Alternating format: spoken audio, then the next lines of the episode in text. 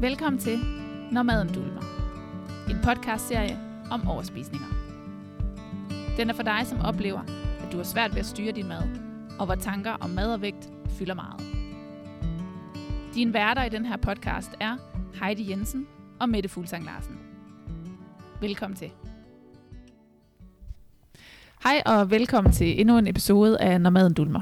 I dag er jeg så heldig, at jeg har fået Anna med i studiet. Anna hun øh, har tidligere haft øh, bulimi, men er i dag ude på den anden side, efter hun har været øh, igennem et forløb.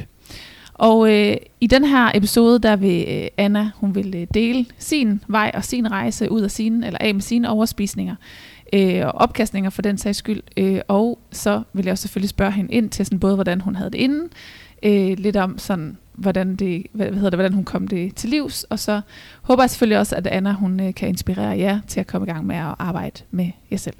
Så velkommen til dagens episode, og velkommen til dig, Anna. Hej Mette. Hej, Anna. Hej. Nå, vil du ikke lige starte med, nu, det var det, vi snakkede om, det var faktisk det sværeste spørgsmål, lige fortælle lidt om dem, der lytter med. Altså, hvem, hvem, er, hvem er du? Ja, det er jo lige det. Hvem er jeg? Eller hvem er jeg nu nærmere blevet? Øhm, men øhm, jeg kan sige, at jeg hedder Anna, og øh, sådan helt, helt basis, så er jeg 30 år gammel, og øh, mor til to, og gift og bosat i Esbjerg. Ja. Ja. Ja, og du må godt, hvis der var mere. Ja, jeg er også mere. Altså, ja. jeg, jeg, jeg er så også lærer, og så øhm, er jeg... Øhm, jamen, sådan, hvad jeg godt kan lide at lave, eller hvad der fylder mit liv, er at være sammen med mine øh, veninder og venner, og øh, playdates, og Ja. hygge, og dårlige reality-serier, og ja, Fedt. lidt af hvert. Altså. Fedt. Dårlig reality ser det er også altid godt. Jeg vil med Altså, de luksusfælden. Ja. ja, det er jo de allerbedste, det er de dårligste. ja. Nå, Anna, fortæl lige lidt om. Altså, du har jo, øh, hvad hedder det, tidligere i hvert fald, lidt af overspisninger og, øh, og, og opkastninger, altså det, som man nok vil kategorisere som, øh, som bulimi. Men har du ikke lige altså, lyst til sådan, prøve at fortælle, altså, hvornår startede alt det her for dig, og, og hvordan, hvor langt har du gået med det, inden du sådan, kom i gang med at arbejde med det? Hvad prøvede du sådan undervejs i starten? Ja, øhm, hvornår startede det? Altså, jeg, altså der er jo også, for mig så er der lidt forskel på, hvornår jeg troede, det startede, og hvornår jeg nu har fundet ud af, hvornår det faktisk startede mm. rigtigt. Øhm, men jeg kan så lang, øh, så lang tid tilbage, som jeg kan huske, egentlig øhm, haft en, en, en følelse, øh, en forkert følelse i forhold til mad. Ja. Øhm, og, og i meget tidlig alder også øh, kunne huske det her forbundet med skam. Øh, altså mad forbundet med, med skam, eller måltider forbundet med skam. Øh, eller at jeg havde sådan lidt et... Ja, altså et, jeg følte, jeg havde et forkert forhold til mad. Allerede da jeg var helt lille, faktisk.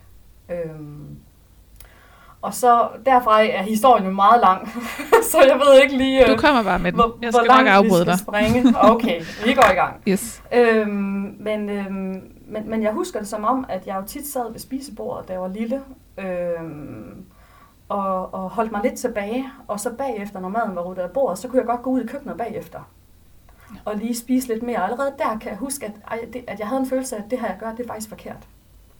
Øhm, men, men det har sådan siddet i mig lige siden.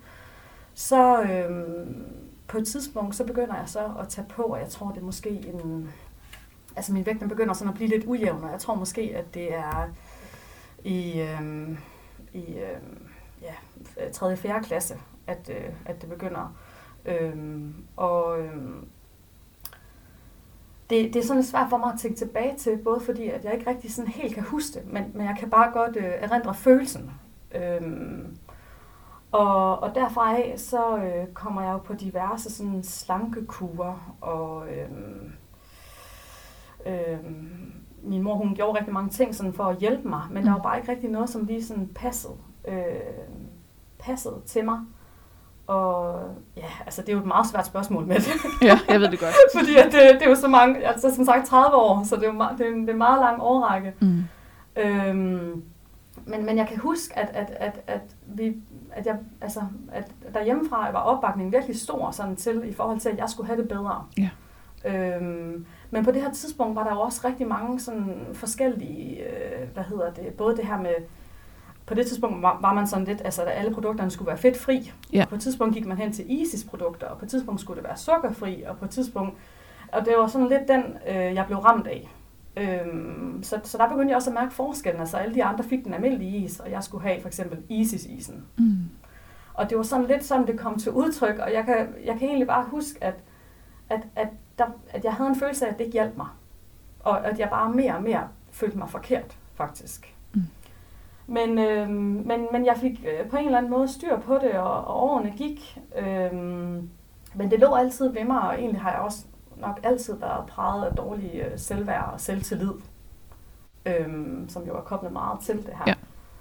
Øh, dem, som kender mig, vil tænke, at, at jeg nok ikke, eller, eller øh, altså jeg nok umiddelbart ikke lige har det, men det er jo ja. også sådan udadtil, øh, fordi jeg har altid været glad og smilende og imødekommende, men jeg har altid haft et rigtig dårligt øh, selvværd. Mm. Øhm, Ja, hvordan har din facade været sådan? Altså, hvad, hvad har folk set? Jamen, øh, folk har jo set den, den sjove Anna, Mm. den glade Anna, og hende, som altid var så hjælpsom og lyttende. Og, øh, jeg kan også huske på efterskolen, der tror jeg, jeg fik den der til, øh, altså som den mest omsorgsfulde. Mm. Øhm, det var sådan nogle awards, der skulle gives ud.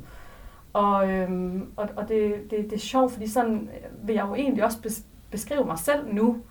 Øhm, jeg har jo bare lært, hvornår har jeg mulighed for at give omsorg, Mm. uden at det tager noget fra mig selv. Øhm, så, så udadtil havde jeg jo sådan lidt en facade, og det er jo egentlig delvis også stadig mig.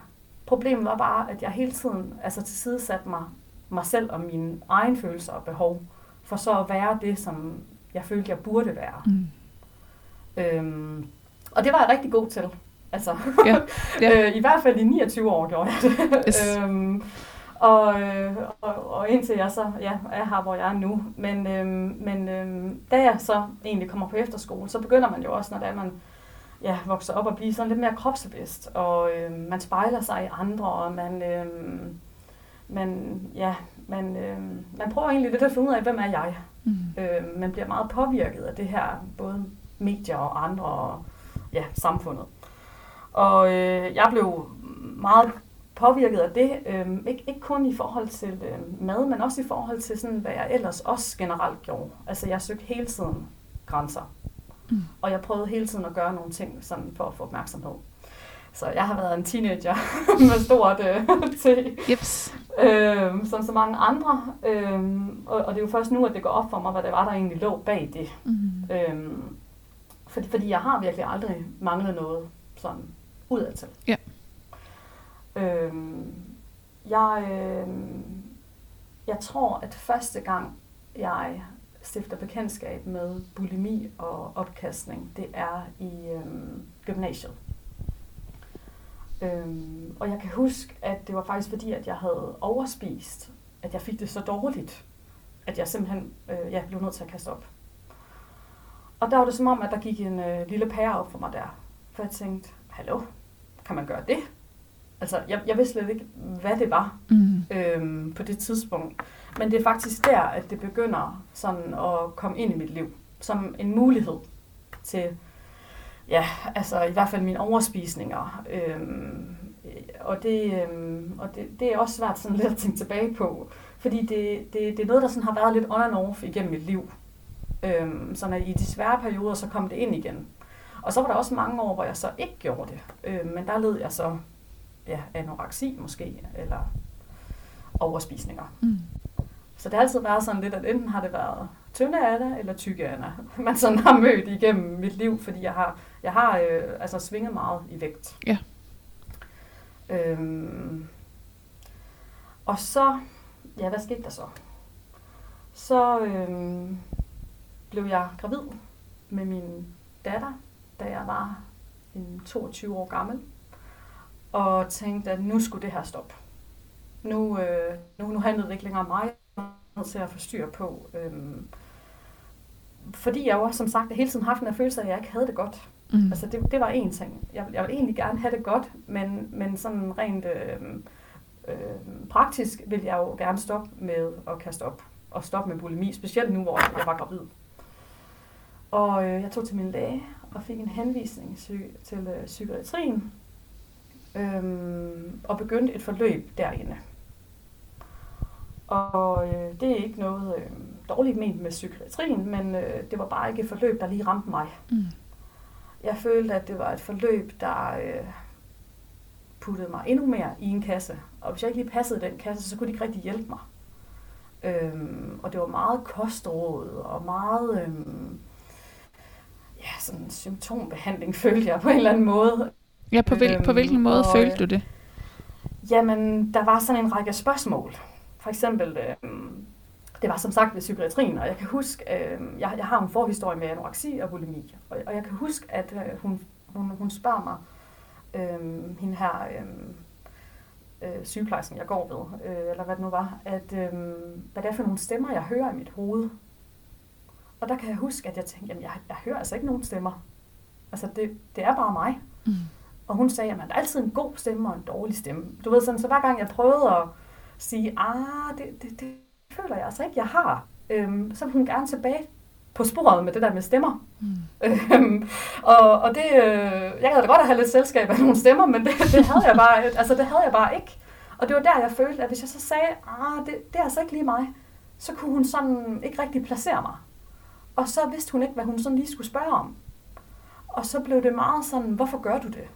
Jamen, det, jeg ved ikke, hvorfor jeg gør det. Jeg vil rigtig gerne stoppe med det. Jeg ved, jeg ved bare ikke helt, hvorfor. Øhm, og, øhm, og, og jeg kan bare huske, at jeg meget hurtigt lukkede i og sagde øh, alt det, som jeg troede, hun ville have mig til at sige. Ja, for at komme meget væk klassisk, derfra. ikke? Ja. Meget Ja. klassisk. Og jeg tror faktisk, det skete efter én gang. Altså, Mm. så, og det er også derfor, intet dårligt ment. Jeg var bare øh, meget klar til at få noget hjælp, og jeg, og jeg, jeg lukkede i meget hurtigt, da jeg følte, at øh, nu det endnu, også fordi, at der var også en kostvejleder indover. Og jeg havde netop ikke brug for at høre omkring øh, ernæringsråd. Altså, ja, det vidste jeg, du jeg, godt. var, jeg var så træt. Jeg vidste, jeg vidste, det vidste jeg, da jeg var 10, ikke? Ja, efter ja. jeg havde siddet og surfet online. Ja. Øhm, og, og jeg vidste godt, øhm, jeg, havde bare, jeg havde ikke brug for at høre, hvordan man kunne lave en sund sovs. Altså, det var simpelthen det sidste, jeg havde brug for. Mm. I stedet for, så tog jeg jo ligesom den her maske på, og var den søde og høflige Anna, og sagde, Nå, når jeg kan bare gøre det der, ja, okay, nå, amen, så, så skal jeg nok finde ud af det. Mm. Øhm, og så sagde jeg simpelthen bare det, de gerne ville have, jeg skulle sige. Og så kom jeg hurtigt ud derfra. Øhm, så det, det var sådan lidt selvforskyldt, øh, men, men, men jeg husker det i hvert fald ikke som værende, at jeg, at jeg mærkede det på nogen som helst måde.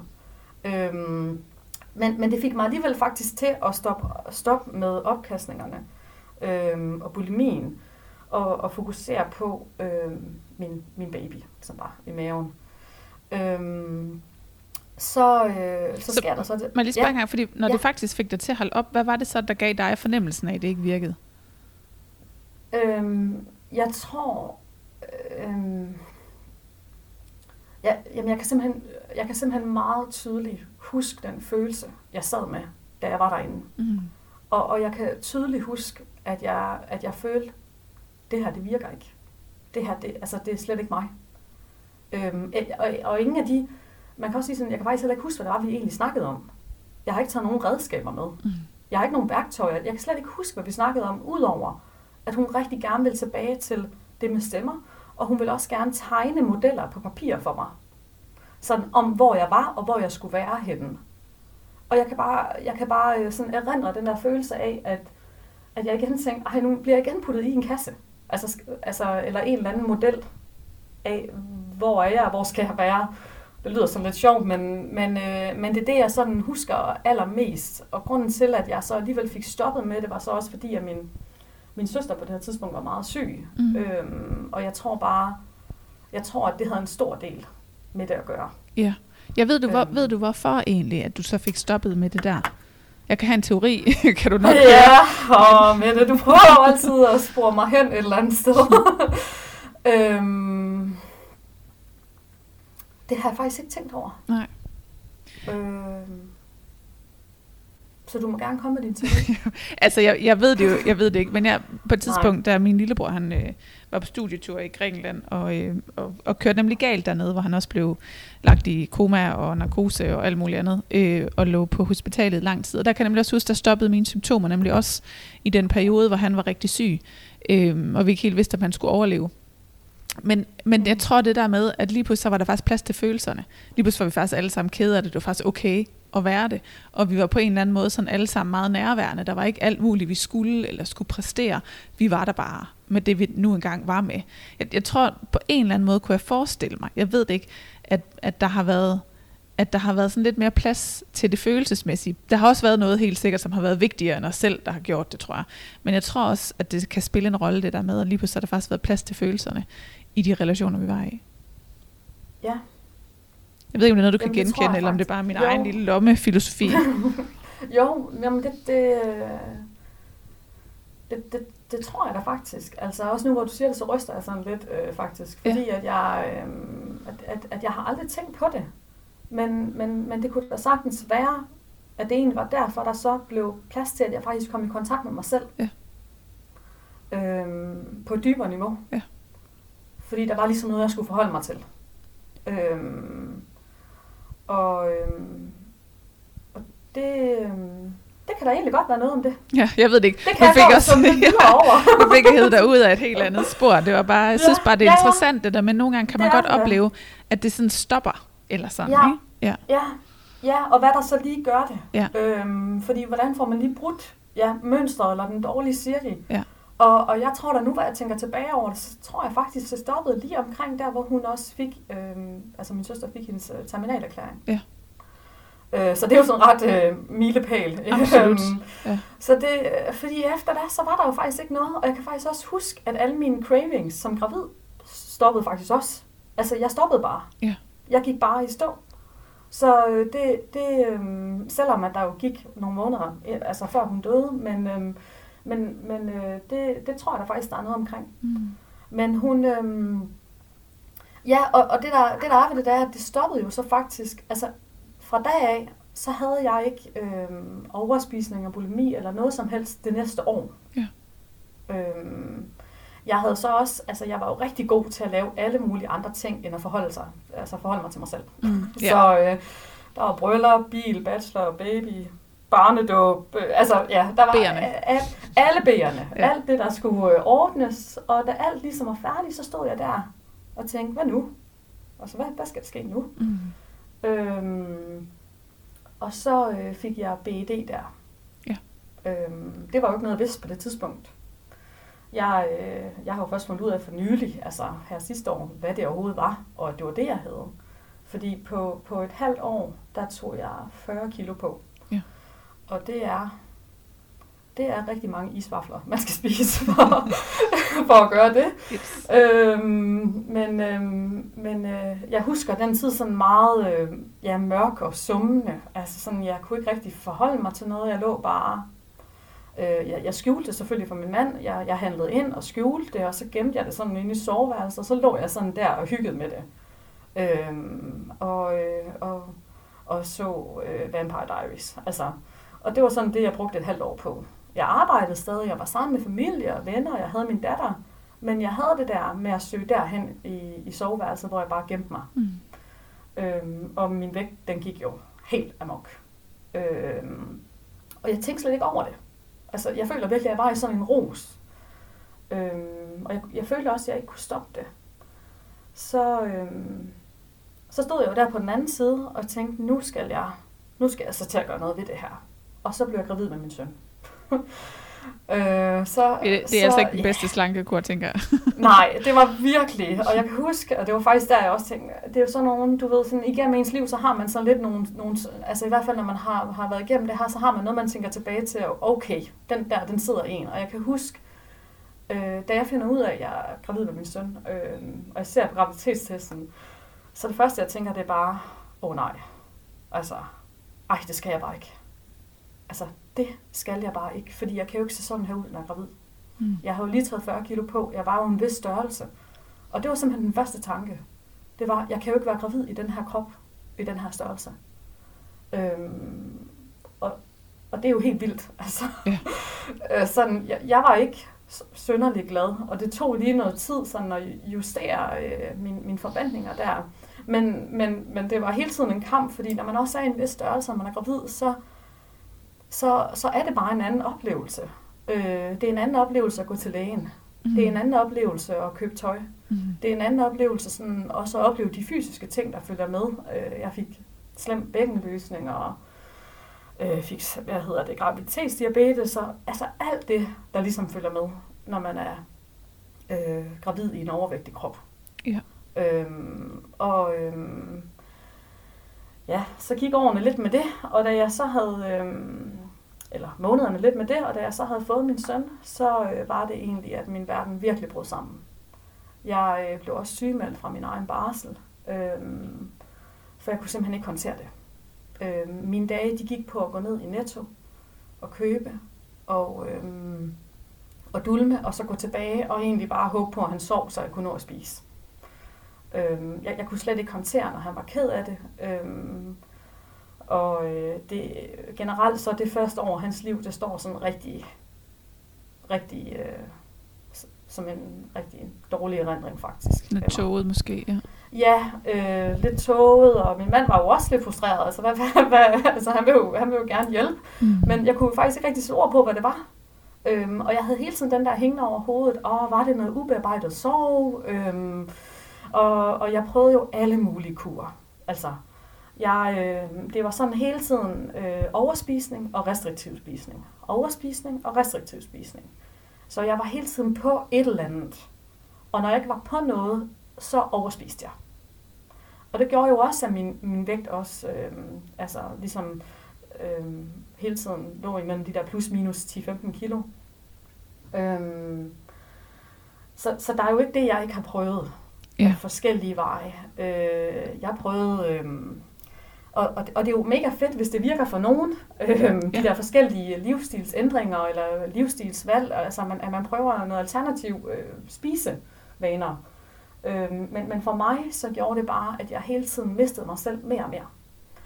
Øh, jeg prøvede jo ja, stenalderkost og sense og keto, og jeg har siddet der og målt pasta i min hånd, og jeg har Altså, øhm, så lige pludselig så skulle jeg have masser af fedt i den her diæt, og så skulle jeg være fedtforskrækket i den her diæt, og så skulle jeg tælle kalorier, og hver gang, så kom jeg bare egentlig et skridt længere væk fra det, øhm, som var mig, som var min mavefornemmelse. I forhold til, hvornår jeg er sulten, og hvornår jeg er mæt. Mm. Og hvad har jeg egentlig også reelt lyst til at spise? Kontra hvad jeg burde spise lige nu. Øh, Jeg spørger lige ind til de der kurer engang, for jeg synes Ja. faktisk, det er meget interessant, for du siger det her med, at når du så var på dem, så kunne du faktisk godt tabe dig, men så røg Ja. du af dem igen. Kan du huske, hvad var det, der skete, der gjorde, at du ikke kunne holde fast i dem? Øhm, det var så snart, jeg mødte øh, modstand. Ja. Og jeg husker det meget tydeligt, fordi jeg faktisk øhm, også var ved et forløb ved Diætisthuset. Det var rigtig fint til sådan at få et overblik over, øhm, øh, jamen, hvad de forskellige madvarer indeholder af, af kalorier. Og også hvor jeg sådan lå øh, på, hvad jeg egentlig burde ligge kaloriemæssigt. Øhm, der kan jeg huske, at jeg var i et forløb ved dem, og jeg fulgte en kostplan, og den var faktisk skræddersyet efter mig. Og efter de ting, som jeg godt kunne lide at spise, og mine vaner, og den slags hygge, jeg godt kunne lide i weekenden.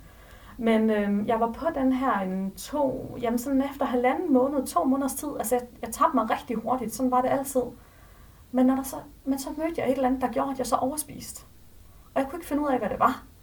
Øhm, Udover at jeg bare dunkede mig selv i hovedet. Og jeg kan huske, at jeg tog kontakt og var inde ved et møde for at spørge, øhm, hvad, hvad, hvad, kan vi, hvad kan jeg gøre ved det her? Fordi det går rigtig godt, indtil det ikke gør. Altså, det var sådan, jeg følte, altså, det går, det går rigtig godt, indtil jeg så ikke kan det mere. Og jeg ved ikke helt, hvorfor.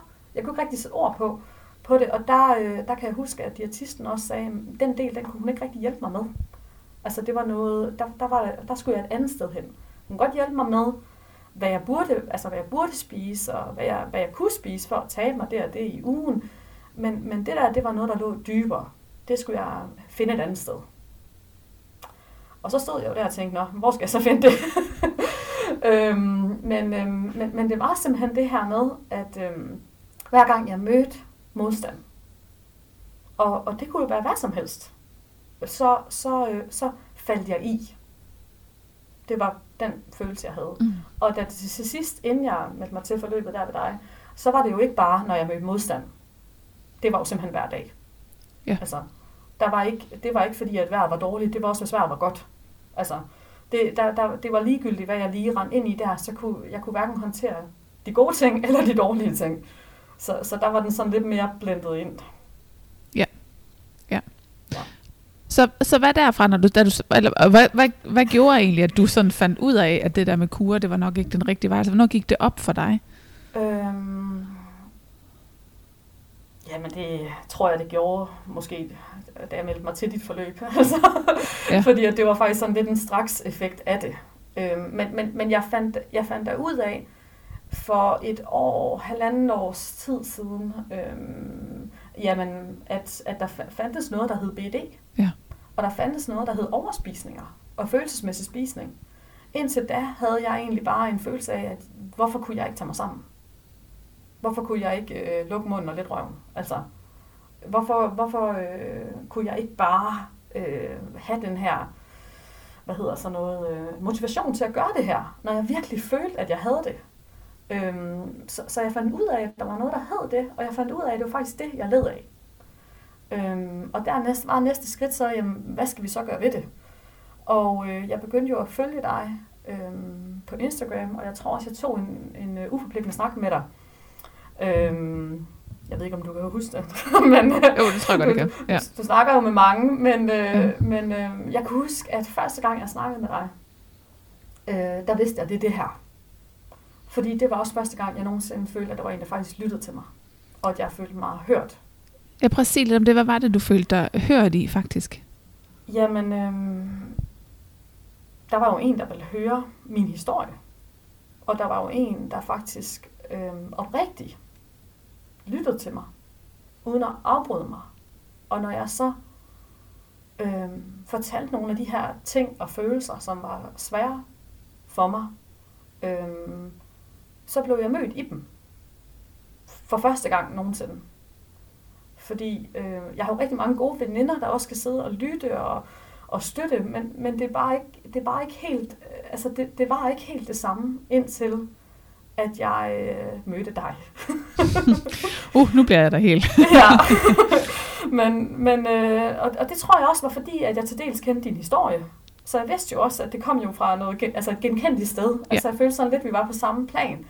Øhm, og så var det jo også de ting, som du sagde, der, der beroligede mig. Altså, kan du huske, og, hvad det var? Jamen, jeg kan huske meget tydeligt, at du sagde til mig, at det er, at til et eller andet, jeg sagde, der sagde du, jamen, det, det er helt okay, Anna.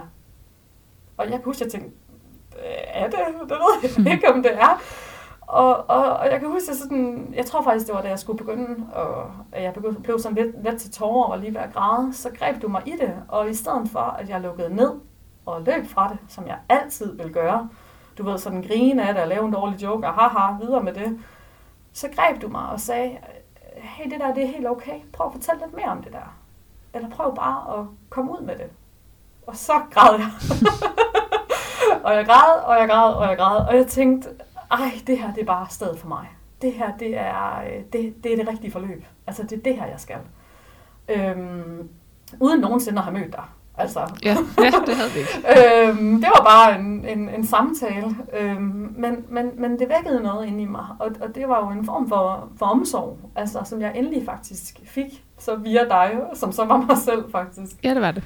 øhm, så kan jeg huske, da, da samtalen den skulle slutte, så, øh, så, øh, så, går det, så går det praktisk i mig. Altså, hvad er det her forløb? Hvad skal der ske? Øh, hvad, hvad koster det? Hvornår? Hvordan? Og hvorledes? Og så sagde du nogle ting til mig, og så blev jeg jo skræmt fra videre sans igen. ja, det tror jeg virkelig, der er mange, der gør. Og det var jo fordi, at du for det første sagde, jeg kan huske, at faktisk ikke engang beløbet først. Det var tiden. Mm. Fordi at øh, der på et tidspunkt var noget gruppeterapi ind over forløbet, så du sagde, at det er hver anden tirsdag kl. 10. Så sagde jeg, jo tak, det kan jeg ikke deltage i. jeg, jeg har et arbejde, det kan jeg ikke. Og så sagde du også, at man behøver jo heller ikke deltage i gruppeterapien, og altså man kan jo gøre nogle andre ting. Og jeg, jeg ved ikke, jeg, øhm, jeg sagde, jamen det vil jeg jo helt sikkert. Jeg tog maske på, jamen det vil jeg helt sikkert. Jeg var pleaser. Det er lige noget for mig. Øh, jeg, jeg vender lige tilbage til dig, og så tror jeg aldrig, jeg vender tilbage til dig. Øhm, ja, jeg lavede, jeg, jeg lavede, jeg ghostede dig. Altså. og øh, min mand, jeg kan huske, han også var sådan, jamen du var så glad den dag. Altså det var det der, du skal, det var det der, du skulle. Hvorfor, øh, hvorfor nu ikke? Og jeg var sådan, ah, jeg, jeg prøver lige kalorietælling igen.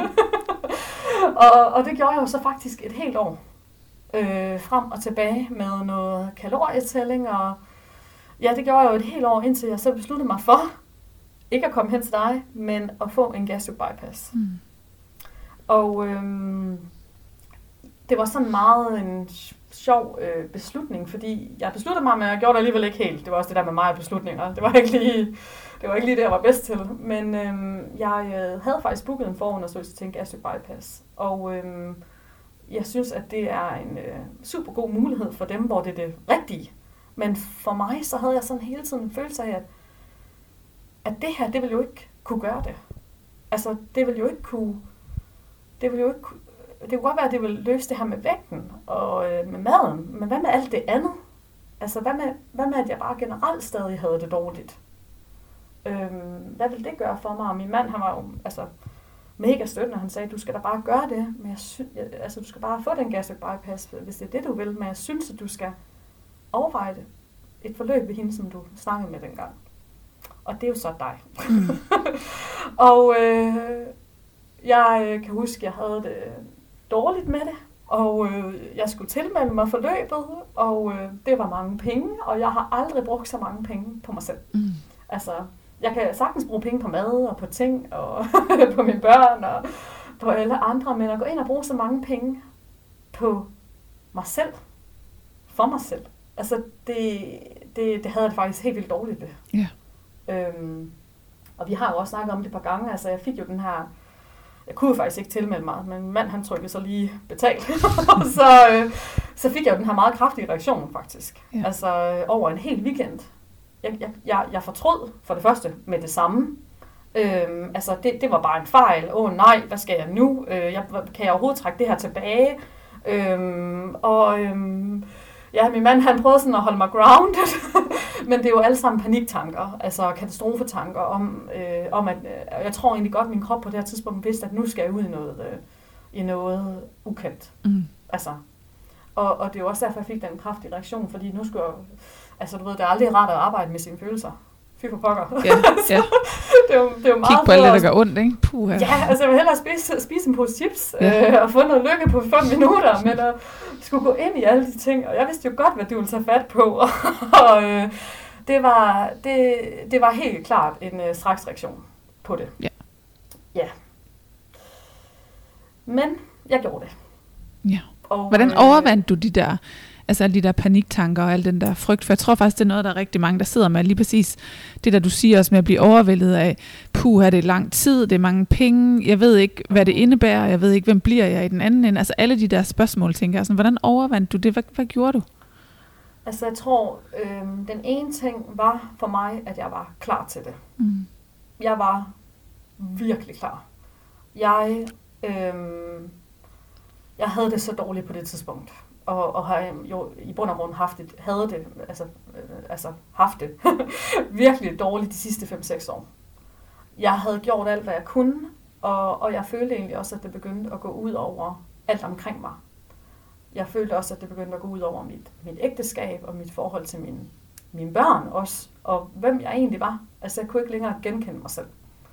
Jeg var øh, blevet meget negativ og øh, svært ved at tage beslutninger og overtænkede alt, og jeg havde det bare dårligt hver eneste dag. Øhm, og og øh, ja, dulmede som med mad. Så jeg tror, jeg var jo også virkelig klar til det. Altså, jeg var sådan lidt ved breaking point. Og, og, og enten skulle jeg ligesom du, altså have, have opereret min mavesæk mindre, eller også skulle jeg tage, tage fat om det her. Jeg havde jo ikke andre muligheder tilbage. Jeg ved godt, øh, hvad jeg skal spise for at tabe mig. Og det har jeg sådan set vidst lige siden jeg var 10 år gammel. Øh, men, øh, ah, måske 12. Men, øh, men, øh, men det, der gjorde, at, at jeg var her, det var, at øh, jeg, jeg vidste godt, hvad der skulle til. Men hvorfor kunne jeg så ikke gøre det? Der måtte jo ligge et eller andet mere bag det. Og jeg kan huske, at jeg også havde den der følelse af, da vi havde den, den samtale. Altså, jeg prøvede sådan at huske på den følelse. Altså, der, der må simpelthen have været noget ved det, der gjorde, at jeg skulle tilbage dertil. Og hver gang jeg var inde på din Instagram og så nogle af dine opslag, så screenshottede jeg jo alle opslagene for at gemme dem i min kamerarulle, fordi jeg, jeg, jeg, jeg, jeg, jeg følte, du talte til mig. Altså, jeg følte, du ramte mig. Øhm, jeg havde bare aldrig i min vildeste fantasi troet, at det var øh, realistisk. Altså, at, og at det ville være det, der øh, ville øh, ja, fikse mig. Mm. Altså, jeg ved ikke rigtig, hvad jeg havde forventet. Øhm, fordi i, altså, i alle de her år har det jo bare meget været et, et mål om at tabe mig. Hele tiden om skulle tabe mig. Øhm, men til sidst så kom det virkelig til udtryk i, at jeg bare generelt havde det virkelig dårligt. Og nok stod på randen til en altså depression, hvis jeg ikke havde været igennem en. Ja. Så jeg tror da, at som du siger, altså, jeg tror der, ja, der er jo mange, som er tøvende øhm, i det her med at, at skulle vælge sig selv til på den måde. Øhm, også man, specielt hvis man også er en familie, og man er mor, og man måske har fælles økonomi, og tænker, hvordan kan jeg forsvare alle de her penge? Og, og der er det jo meget godt det spørgsmål, du nogle gange stiller, altså, hvad, hvad er prisen? Øh, altså, hvad ja. er prisen for, at du skal have det godt? Ja. ja, hvad er det værd for dig? Hvad er det værd for dig? Ja.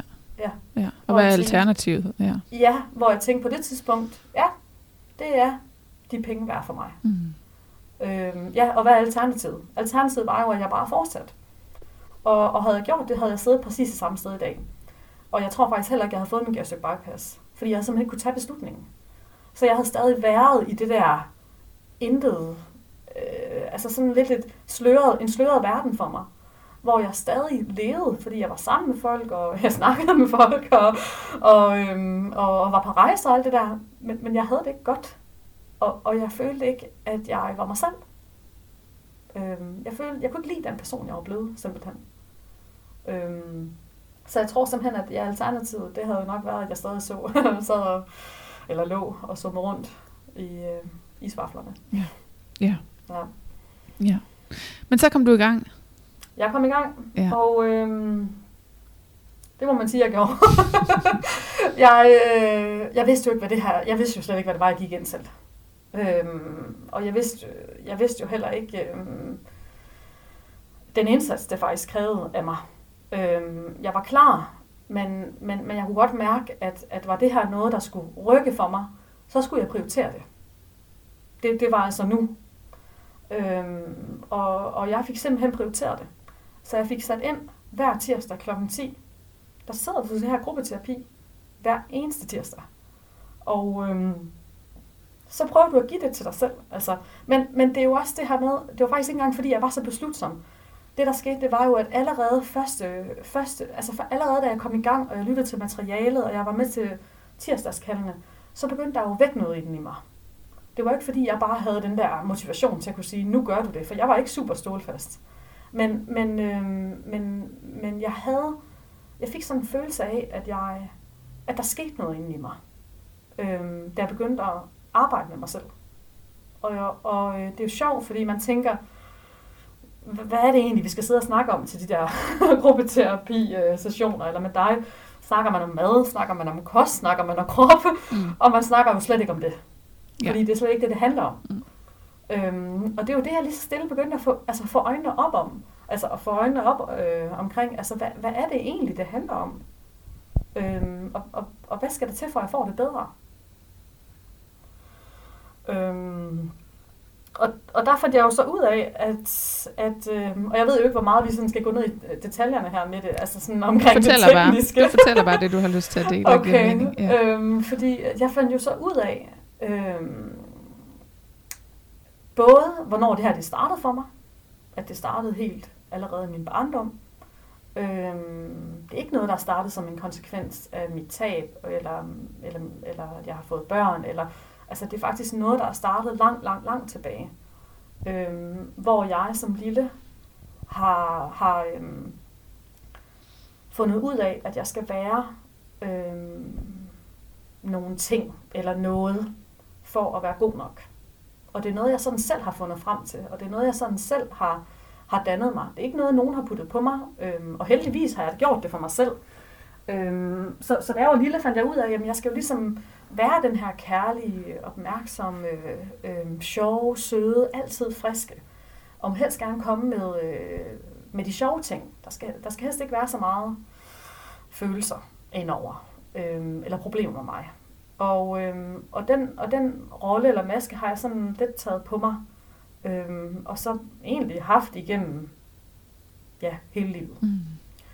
Og øh, der er jo egentlig ikke noget galt med at være omsorgsfuld og kærlig. Øh, problemet er bare, når det er, at du begynder at tilsidesætte dig selv øh, for andre. Altså ved at være det over for dem. Så hvis nu du ikke helt har lyst til lige at være hjælpsom i dag, øh, du er lidt træt, øh, du vil egentlig være gerne slappe af, men du med det samme siger, yes, jeg kommer nu, og jeg kommer løbende, så har du tilsidesat dig selv og dit eget behov Ja. øh, for at være noget for nogle andre. Og det gjorde jeg på daglig basis. Øhm, hele tiden. Ja. Konstant. Ja, hvordan, hvordan for eksempel? Kan du komme med et eksempel? Øhm, Arbejdsmæssigt eller ja, privat? men jeg havde jo for eksempel også, ja, jeg havde for eksempel også rollen som øh, udglatter og væler. Mm. Øhm, og ja, jeg var jo ikke rigtig klar over, at jeg havde det, før jeg så fandt ud af, at jeg havde det. Så det var jo sådan noget med, hvis der var nogen på arbejde, der kunne stå og diskutere et eller andet, så kom øh, Anna til undsætning med det samme. Så skulle jeg lige ind og glatte ud der. Øhm, og, og, og jeg er helt vildt god til at være maler. Øhm, men, men problemet var bare, at bagefter stod jeg tilbage og, og havde sådan lidt en træls følelse. Og jeg vidste jo ikke på det her tidspunkt, men fandt så ud af, at jeg faktisk kunne spise på den følelse senere. Øhm, og og, og det, altså det er jo bare et eksempel. Ja. Øh, fordi det skete jo bare lige én gang der. Altså det, det skete jo tusind gange om dagen. Så det er jo alle de der følelser lagt, lagt oven i hinanden i et stort baljekar, og så spiste jeg så på dem senere. Nej, ja. Jamen, og det er jo det, at jeg kunne jo ikke rigtig, når jeg så sad og spiste på det senere, så tænkte jeg, hvad, hvad er det, der sker nu? Altså, det er en god dag i dag, solen skinner, vi skal til fødselsdag senere, hvorfor sidder jeg her nu og, og overspiser? Og, øh, og, øhm, og, og jeg kunne jo ikke rigtig finde ud af, hvad der ledte op til det, og det var jo det, jeg ligesom fik hjælp til øh, ved dig. Altså, ved hele tiden at spole tilbage til, hvad er det, der har udløst det her? Hvornår i dag er første gang, du mistede dig selv? Og, og i starten var det jo, jamen når jeg stod op. og så senere var det, jamen inden jeg kom ind på arbejde. Og senere var det på arbejde. Og så var det hjem fra arbejde. Så lige så stille så arbejdede vi os jo tættere på nuet. Altså, øhm, i forhold til at tage de her ting, når de så skete. Eller i hvert fald sådan til at være bevidst omkring dem. Øhm, og det var sådan, jeg begyndte at arbejde med, øh, med hvad gjorde jeg i løbet af en dag. Og hvornår gjorde jeg faktisk noget, jeg reelt set ikke havde lyst til. Ja. For det kan jeg huske, du ramte mig ret hårdt med, med det. det der med. Og, øh, og øh, ja, altså, jeg kan huske, du spurgte mig, Anna, jeg bliver simpelthen nødt til at spørge dig noget. Hvorfor er det, at du går imod din egen behov? Hvorfor er det, at du gør noget, du ikke har lyst til? Du har ikke lyst til at tage til den her fødselsdag. Du er træt, det har været en hård uge. Øh, hele din kalender er fyldt. Hvorfor tager du afsted? Og jeg kom jo med mine tusind undskyldninger. Ah, men der var jo ikke det. øh, der var jo ikke det. Altså, ah, men det er jo bare lige to timer. Og, ah, men jeg kan jo ikke melde afbud, fordi det burde man jo ikke gøre. Det må man da ikke gøre. Mm. Selvfølgelig må man det. Øhm, så det første, jeg også gjorde, det var jo at rydde hele min kalender. Og øh, altså sådan det næste halve, halve års tid. Og hvis jeg så havde noget, jeg skulle, så stoppede jeg jo virkelig op og spurgte mig selv, har jeg lyst til det her? Eller gør jeg det, fordi man burde? Fordi det forventes? Fordi jeg vil gøre min mand glad? Fordi jeg vil gøre mine børn glad? Eller gør jeg det, fordi jeg har lyst til det? Og, hvis, og, og, og det var jo sådan lidt et, et hårdt halvt år. fordi man kan jo heller ikke gå hele livet igennem bare og sige, det har jeg ikke lyst til. Altså nogle gange skal man jo også gøre nogle Ja. ja. ting, man, man ikke lige har lyst til. Men jeg havde brug for virkelig at stoppe op her på det her tidspunkt og mærke efter, hvor er jeg i det her? Og det gjorde, at der var rigtig mange afbud. Og, øh, og, øhm, og det næste skridt var så at være ærlig omkring det. Det var jeg ikke lige klar til i begyndelsen. Øhm, om hvorfor jeg meldte afbud. Det er så nu, så nu har jeg det helt fint med det. Men, øh, og, og det næste var så også ikke at lave for mange planer. Mm. Altså, have en fridag inden og en fridag efter. Og jeg vil sige, at her, her over sommerferien, øh, der har vi jo også, øh, der har jeg jo også haft rigtig mange planer. Og jeg har også været nødt til selv nu, selvom jeg er ude på den anden side, lige at hanke op i mig selv Mm. og få aflyst nogle ting. Ja. Fordi jeg simpelthen øh, var for overambitiøs. så, Ja. øh, Og, og det er jo også lige præcis det, der er helt vildt godt ved at tage den der fra starten af, at, at nu rydder jeg min kalender, nu lærer jeg, hvordan får jeg så sagt til folk, at jeg siger nej, eller siger fra, eller Ja. altså, så bliver man virkelig tvunget til at øve den der mekanisme i, ikke at det er alle, der, der nødvendigvis rydder deres kalender et halvt år, vil jeg sige, men, men, man, men vi får trænet i hvert fald den der muskel i at, at få sagt, okay, nu kan jeg mærke, det her det kan jeg ikke, nu melder jeg fra, ikke? fordi så når du så opdager det, at det sker i løbet af sommeren, så når det ikke at eskalere så meget, at det ender ud i en over, ordentlig omgang overspisning, så, så har du ligesom ordene for, okay, nu kan jeg mærke, nu skal jeg faktisk have sagt fra, eller med lavbud, eller du ved, gjort noget andet i hvert fald, ikke? Ja, og også fordi, at før vil jeg jo typisk tage afsted. Jeg vil aldrig med lavbud. Øhm, jeg vil egentlig også opfordre til sociale aftaler og invitere. Øhm, men hvis jeg med lavbud, på en dag, jeg havde det virkelig dårligt, så ville jeg jo simpelthen have det så dårligt med mig selv. Ja. Altså, jeg vil bare sidde og dumpe mig selv oven i hovedet med skyld og skam, og, øh, den, og det vil jo så også resultere i en overspisning. Yes. Så det var sådan lidt øh, pest eller kolera for mig, indtil, øh, indtil jeg jo så fandt ud af at gøre det øh, på en måde, hvor jeg kunne følge med. Øh, og der gav du mig jo også nogle værktøjer i forhold til, hvad kan du egentlig, øh, hvad vil du kunne sige til de her personer? Altså, hvordan vil du kunne melde afbud? Hvad for nogle sætninger vil du kunne sige? Og altså sådan nogle ting Mm. øh, var en kæmpe hjælp for mig, øh, fordi jeg følte ikke, man bare kunne sige nej tak. Altså, der skulle altid være en, en lang forklaring øh, foran eller bagved eller ind imellem, og, og til sidst så vil man måske også runde af med, men jeg skal nok lige se, om jeg kan komme alligevel. Ja, præcis. bare lige sådan for lige at glatte ud, øhm, hvor nu så bruger jeg bare den hele tiden, at jamen, ved du hvad, det har jeg desværre ikke mulighed for at deltage i. Jeg håber, I får en rigtig god dag. Ja. Og folk spørger ikke yderligere ind til, hvad skal du da? Fordi det kan godt være, at jeg bare skal sidde hjemme og se fjernsyn. Ja. Men, men det ændrer ikke på, at jeg har, ikke, jeg har simpelthen ikke mulighed for at deltage. Jeg skal passe på mig selv. Præcis. altså, og det, og det er sådan lidt... Øh, altså, jeg kunne også mærke, at folk omkring mig, de skulle lige se det her an. Altså, hvad, hvad, er det, hvad er det lige, hvad er det lige, der foregår med hende? Også fordi de har jo aldrig kendt mig øhm, som hende, der passede på sig selv. Altså, eller stoppede op, eller var stille, eller trak sig det sociale. Ja, så hvad fik du af, Øhm. altså sådan en kommentar fra din omverden? Hvordan reagerede de på, at du begyndte at ændre dig? Jamen, øh, er du okay, Anna? så, øhm, også fordi øhm, jeg øh, begyndte jo at øve mig, det, øve mig på at trække mig, altså trække mig, når det var, at øhm, der var gæster på besøg. Øhm, før i tiden, så var der jo altid min mand, og sådan på et tidspunkt, så kunne han sætte sig hen i sofaen, og jeg kunne sidde der ved spisebordet og blive mega sur på ham over, hvor, hvad, hvad han bildte sig ind. Altså, vi sidder lige her og har gæster, og så sætter du dig hen i sofaen og slapper af.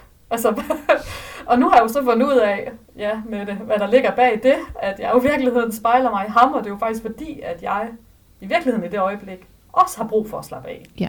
Men ikke føler, at jeg kan, fordi at der er gæster.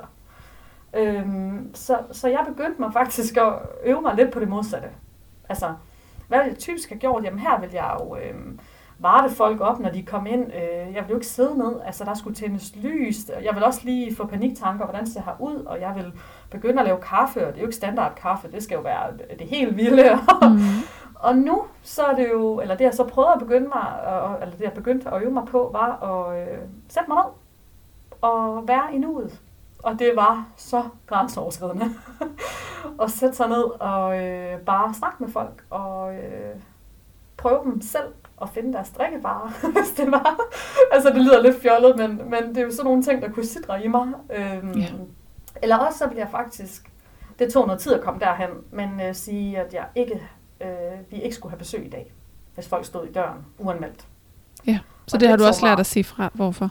Altså, det, det har jeg, men det tog mig meget lang tid. Altså, det, det, og, det, og det gør det stadigvæk. Det er stadig en af dem, der måske hænger lidt, hænger lidt ved. Ja. Øhm, og, og det, øhm, det, men det jeg er blevet bedre til, det er, hvis folk så kommer ind, og de kommer uanmeldt, så er jeg også blevet bedre til at trække mig. Og jeg er blevet bedre til at blive i mig selv. Altså, det er jo slet ikke det samme som før. Det er jo ikke sådan, altså jeg er ikke drænet på samme måde. Mm. Øhm, men, men, øhm, men, men jeg er ikke så god til at sige nej tak, ikke i dag. så, Ja.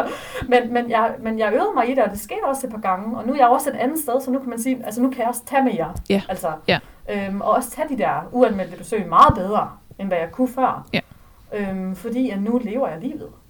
Altså nu lever jeg mit liv, og jeg lever i nuet. Og det lyder lidt... Øh, ja, Det lyder var- dejligt. Ja. ja, janteloven og alt det der, men, Ja. men, det, det er virkelig, altså det, det, det gør jeg nu Ja. kontra før. Men, men hvordan mærkede du, at de her ting, du arbejdede med, at de, altså, de påvirkede dine overspisninger? Hvornår gik det sådan op for dig, og, og hvordan, ja, hvordan, hvordan fandt du ud af, at det her faktisk hang sammen? Jamen, øhm, altså sådan med mit, altså med mit velbefindende, eller hvad kan man sige? Mm. Altså med, med, at jeg havde det godt. Ja. Jamen, Jamen også, at jeg tænker, at overspisningerne, de aftog. ja, altså, øhm, jeg begyndte jo Og jeg begyndte jo at finde ud af, hvad det var, mit mønster var. Altså, hvornår var det, jeg var i den her rolle? Hvornår var det, at jeg ændrede mig? Øhm, og øhm, jamen, det, altså sådan helt konkret, så tror jeg da, at egentlig så fik jeg sådan lidt en, en straks belønning i forhold til, at jeg så ikke overspiste. Mm.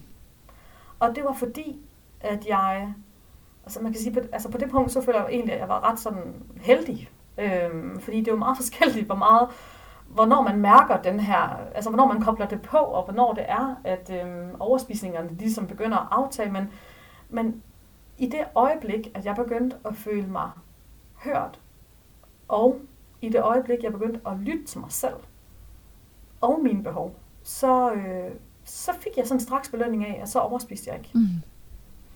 Øhm, og ja.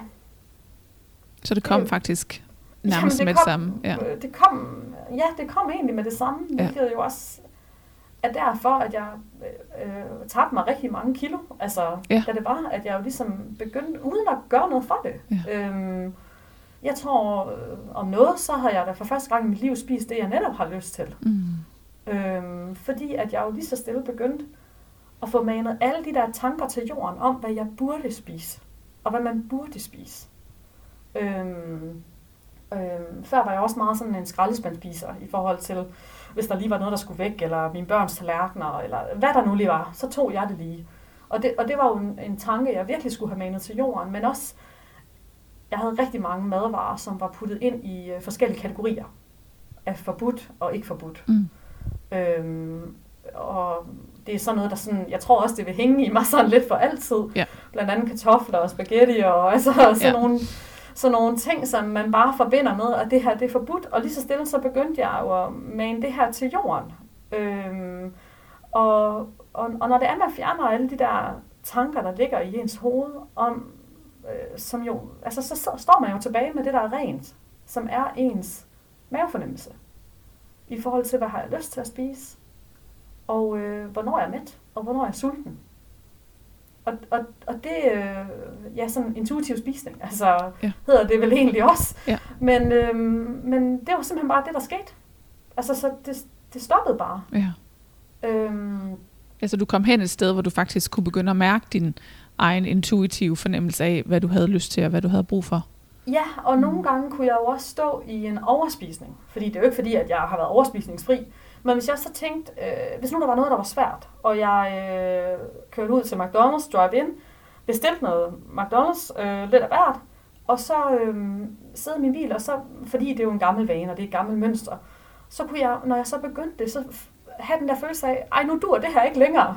altså, jeg bliver da nødt til, altså sådan, der, der, der, der var sket et eller andet for mig. Ja, så Og- og virkede jeg har dit faktisk- fix ikke. Det virkede ikke. Mit fix, det virkede sgu ikke. Og jeg havde faktisk heller ikke lyst til det. Ja. Altså, jeg havde virkelig ikke lyst til det. Øhm, og jeg, jeg glemmer aldrig den dag, jeg faktisk smed det ud. Altså, jeg tænkte, den er helt gal. Altså, jeg kunne slet ikke genkende mig selv mere. Og så brugte jeg jo nogle af de værktøjer, så prøvede jeg at gå ind i, hvad det var, det handlede om. Hvad var det, jeg prøvede at dulme? Hvad var det? Og det er jo ikke altid, man kunne finde svar. Og hvis jeg ikke kunne finde svar, øhm, så prøvede jeg at berolige mig selv. Ja. Øhm, og trøste mig selv. Øh, ikke med mad, men med ord og med omsorg. Og øh, fylde mig selv op indenfra. Og det, det gjorde bare en meget stor forskel for mig. Mm. Men jeg vil også sige, at det der, var, det, der hjalp mig rigtig meget, det var jo også, at jeg tog tingene med det samme. Altså det lærte jeg meget hurtigt. Ja. At jo mere jeg havde tingene liggende og sådan dvælende i mit system, altså en kommentar, jeg fik sidste uge, jeg ikke lige kunne lide, altså jo længere tid det fik lov til at være der, jo mere voksede det. Ja. Sådan det, der blev i skyggen, det voksede ved mig. Så jeg lærte meget hurtigt, at jeg blev nødt til at tage det med det samme. Øhm, og hvis ikke lige med det samme, jamen så dagen efter.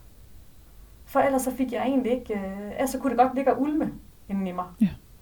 Og det, øh, det, det var også noget helt nyt for mig. Altså, Jeg skulle begynde at at skulle- konfrontere ja, folk. konflikter. Ja. Ja. det her med at skulle, øh, skulle øh, ikke være så konfliktsky, men, øh, men egentlig at konfrontere folk, men også at gøre det på en ordentlig måde.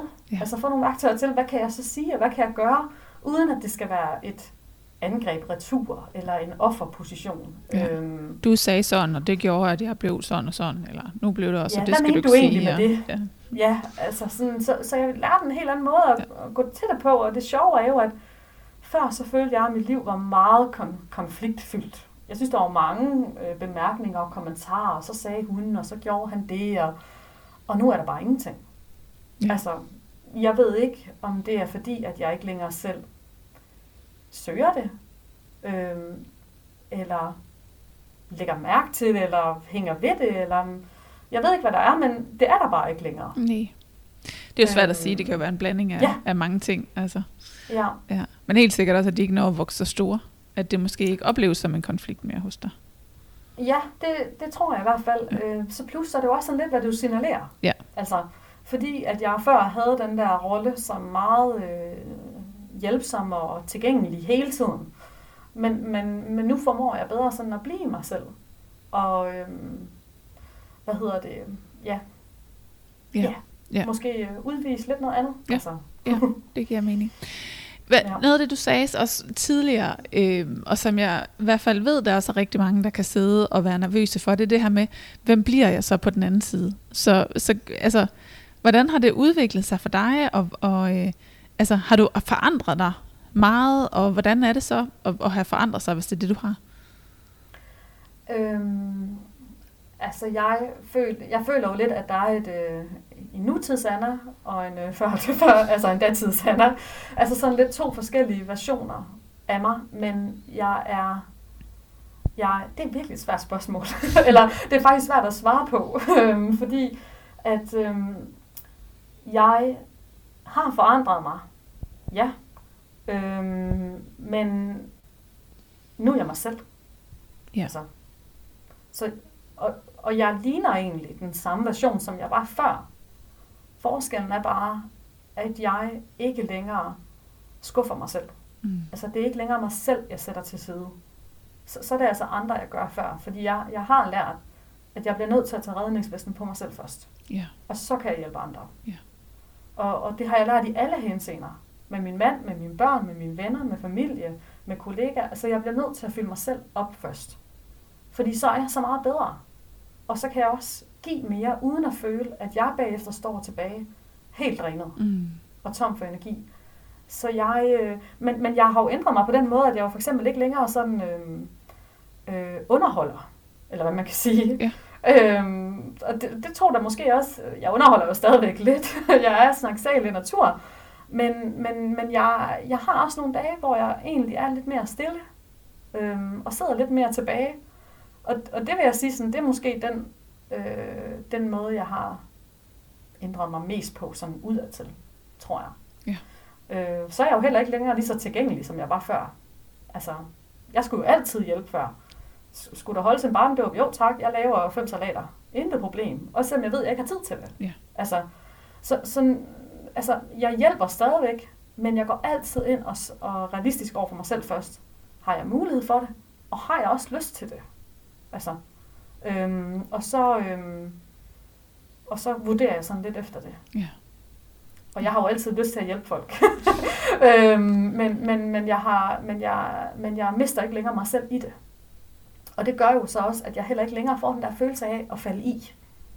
Altså glide væk øhm, og falde i med maden. Øhm, fordi jeg har hele tiden mig selv sådan med i det. Mm. Og i de beslutninger, jeg tager. Øhm, men det, det, det er svært, fordi man, man bryder også op med den, man var. Ja. Og øhm, hvis, hvis folk er vant til, at man altid er, ja for eksempel ligesom mig, hjælpsom, glad, snaksalig og at det altid øh, ja, øh, ja, tilgængelig. Mm. Og man så lige pludselig bliver lidt mere tilbageholdende og stille, så, så, så øh, skal folk jo også lige se en anden. Altså, øh, både fordi de er bekymrede. Jeg kan huske, der var flere, der var sådan lidt bekymrede for mig. Sådan, er du okay? Ja, jeg har faktisk aldrig haft det så godt, som jeg har nu. Jeg er bare meget stille. så, øh, øh, fordi at jeg for første gang ikke skulle være pauseklown, pauseklown i samtalerne. At jeg faktisk bare kunne sidde og sætte mig lidt tilbage og lytte. Øhm, det er jo et vidunder for mig. Øhm, og, og så samtidig var folk da også meget nysgerrige i forhold til, at jeg jo så ligesom forløbet gik, også tabte mig rigtig meget. Ja. Øhm, hvad er det der? hvad gør det? Hvad er det, du gør? Ja. Øh, og det er sådan lidt svært at svare på. Øhm, men, men for mig så har det jo været, at når jeg fjerner alle de tanker, alle de dårlige tanker, der lå omkring mad i mit hoved, øhm, og hele tiden havde mig selv med i det, så havde jeg bare en bedre mavefornemmelse. Ja. Altså jeg havde en kobling til min egen mave. Først så havde jeg ikke nogen mavefornemmelse. Jeg kunne ikke tage en beslutning øhm, omkring noget som helst. Jeg kunne ikke engang tage en beslutning omkring, hvad for noget mad vi skulle have til aftensmad. Og, altså jeg kunne gruble over det i flere timer. Ja. Øhm, og til sidst ende med et eller andet, og stadig ikke være tilfreds. Så jeg søgte hele tiden efter noget, der ikke rigtig var der. Ja. Ja. Ja. Så lige her, sådan vi skal til lige så stille og runde af, men sådan afslutningsvis, så kunne jeg godt være lidt nysgerrig på, sådan, altså, hvis nu du skulle komme med et, altså et godt råd til dem, der sidder og lytter med, altså, hvor, hvor skal man starte, og hvad vil du anbefale, man gjorde? Ja, et godt råd. Øhm, jamen, hvor man skal starte. Altså, jeg vil egentlig sige, ja, mit, mit allerbedste råd, det er, jeg synes, man skal starte. Jeg ved ikke, om du stadig tilbyder de der uforpligtende samtaler Jo. med det. Jo. Jeg beklager med det. Nu ved jeg ikke, om der kommer kunder. Nej, jeg vil, jeg vil sige, at mit allerbedste råd, det er at starte med at tage en uforpligtende samtale med dig. Mm. Øhm, eller måske allerførst gå ind og kigge på din Instagram og kigge på nogle af de ting, som du lægger ud og s- prøv at mærke efter, sådan, er det noget, jeg kan genkende? Mm. Fordi er det noget, du kan, altså er det noget, man kan genkende, jamen så, så er det jo helt sikkert relevant for en at begynde at arbejde med det her. Og komme nogle af de her øh, mønstre øh, til livs. Øhm, så man kan jo begynde sådan at snuse lidt rundt omkring det, og så om ikke andet gøre brug af den der samtale. Ja. Øhm, jeg vil jo til hver en tid, altså, og jeg kender jo også rigtig mange sådan privat, der, der kæmper meget øhm, med selvbebrejdelser, selvhad og dårlige tanker omkring øh, krop og mad. Og, og jeg vil til hver en tid anbefale alle at gå i et forløb Mm. øh, ved dig. Tak for det. Øhm, Jeg er Jamen- glad for, at du siger. det, jeg, altså sådan, når jeg, jeg vil jo rigtig gerne pakke det ind på en eller anden måde, men, men, øh, men det er, man skal jo selvfølgelig også være klar til det. Ja. Altså, og man skal være klar, man skal også vide, at, at det er en prioritet, man skal lave, og man skal sige, nu er det nu. Øhm, men, men jeg tror så heller aldrig rigtigt, man bliver officielt klar. Altså sådan, Nej. øh, det, som, som jeg snakkede om, det er aldrig rart at skulle gå ind og begynde at arbejde med sig selv. Det er der ikke super mange, der sådan har lyst til. Men, men har man igennem sit hele sit liv kæmpet med det her, øhm, og har en tendens til at få sådan en følelse af, at man falder i eller mister sig selv, så synes jeg, man skal gøre noget ved det. Jeg Ja. synes, man skal vælge sig selv til. Ja. Fordi det er, som jeg sagde, altså man kan ikke, man kan ikke øh, altså, redde sin, altså putte redningsvesten på sine børn, før man gør det på sig selv. Ja. Og, og jeg fandt jo faktisk hurtigt ud af, at mange af de her mønstre, jeg havde, de spejlede sig jo også i noget med mine børn. Og hvordan jeg var i forhold til, hvem jeg også ville være som mor. Mm. Altså sådan. Og jamen sådan, det ligger så dybt i en, fandt jeg ud af. Altså det er jo virkelig... øh, Så det er derfor, det er jo mega fedt at være lidt en anderledes mønsterbryder. Ja. Øhm, og have brudt det her destruktive mønster, øhm, som jeg plejede at have. Og det er derfor, ja, der er ikke rigtig så meget andet, jeg vil råde folk til end det. Det er det, faktisk. du vil, du vil råde til. Ja. Ja, altså Ja. hvis man kan genkende nogle af de ting, som, som ja, vi snakker om, eller som du lægger ud på din Instagram, eller i nogle af de andre podcasts, så, så, så er det jo noget, der er genkendeligt for dig. Ja. Og hvis det er det, så, så synes jeg, at det er værd at undersøge det nærmere. Mm. Og det er jo nok det der, som du siger med at stille scenariet op, jamen hvad hvis du ikke gør det? Altså, Ja. Ja. hvordan ser det så ud om, om et år? Præcis. Er du samme sted lige nu? Øhm, hvis nu du lige har oplevet nu her en sommer, hvor du bare er totalt drænet, og du har for mange, du har for mange planer, du har for mange ting, og du har for mange bolde i luften, og du har faktisk ikke lyst til noget som helst af det, jamen så er det en ret god rød lampe, der lyser om, at du ikke har dig selv med i tingene. Ja. Øhm, fordi det her, det kommer jo ikke kun til udtryk ved mad og overvægt og overspisninger. Det, det er jo egentlig bare dit generelle velbefindende også. Øhm, som, som du kan gøre noget ved. Præcis. Ja. Ja. Jeg skal lige sige til jer, der lytter med, nu ved vi ikke helt præcis endnu, hvornår Nej. den bliver ud, udgivet, men vi sidder og optager om sommeren. Ja, sorry. Det gør ikke noget. Det gør overhovedet ikke noget. Det Så er siger vi fint. jul. Har du lige haft en juleferie? Ja. Har du bare? Lige præcis, hvor det Ja. bare har været overvældende med en masse mennesker, en masse traditioner, og en masse social aktivitet, og en masse madfristelser eller et eller andet, ikke? Ja, og ja. Øh, du sidder egentlig tilbage og tænker, jeg havde ikke lyst til noget af det her. Jeg er monsterdrænet. Ja. Øhm, jamen, så er det egentlig en ret god lampe, der lyser om at sige, du bliver nødt til at stoppe op og gøre det her for dig Mm. selv. Ja. Øhm, Lige det præcis. er mit allerbedste råd. Jeg vil faktisk ønske, at alle bare automatisk fik sådan et forløb, når man, når man blev øh, 12. Ja. Altså det vil jeg sige, det havde jeg også selv haft rigtig meget gavn af, tror jeg. Jeg ja. ved ikke nødvendigvis, om jeg var klar til det, da jeg var 12, men, men i hvert fald, om ikke andet, så kom i gang med det der selvudvikling, ikke? Eller med ja. at arbejde med sig selv, når man har det på den her måde, altså og på den ene eller anden måde. Ja, og blive nysgerrig ja. på sig selv. Altså, fordi Ja. havde jeg for eksempel fået den der gastric bypass, så havde jeg jo stadig siddet med mit mønster. Ja. Jeg havde stadig skulle tage min maske på. Jeg havde stadig... Øhm, for, jeg havde fortsat samme stil. Jeg havde så bare ikke kunne spise på det længere. Ja.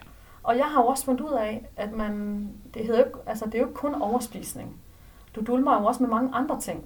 Oh yes. Øhm, ja, og det er jo, om det så er shopping, ryge, øh, hvad hedder rygning, eller man drikker, eller øh, at man dyrker sport. Ja. Eller at man, som jeg jo fandt ud af, at jeg gjorde, altså organiseret meget. Ja. Øhm, og gik i oprydningsmode. Øhm, var jo også en måde at dulme på. Ja. Det var Ja. også en måde for mig ligesom at, at flygte fra det behov, jeg ikke øh, fik tilfredsstillet, eller en følelse, Ja. som jeg ikke havde fået taget hånd om. Lige præcis. Så jeg har lært rigtig meget. Det lyder godt. Og hvis Ja. man gerne vil høre mere til Anna, så er du jo faktisk øh, mentor i dag på, øh, på det forløb, du netop også øh, snakker om. Så der har man også Ja. mulighed for at møde dig, hvis man kan spejle sig i din historie i hvert fald. Øh, så, så hvis man vil have mere af Anna, så er man i hvert fald velkommen til at, for det første er jo selvfølgelig komme med, men, øh, men også man kan gå ind på min hjemmeside og så læse en lille smule mere om Anna, øh, og hvordan man kan øh, også komme i gang med et forløb. Men Anna, har du noget afslutningsvis, du har lyst til lige at knytte til, som vi ikke har øh, fået talt om? Nej, altså øh, jeg tror, jeg har været sådan altså rimelig godt rundt omkring lidt af hvert. Ja.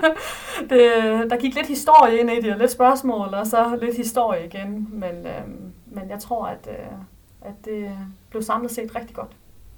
Jeg synes i hvert fald også, at det har givet et rigtig godt billede af, hvordan det har været at være dig og være igennem det her.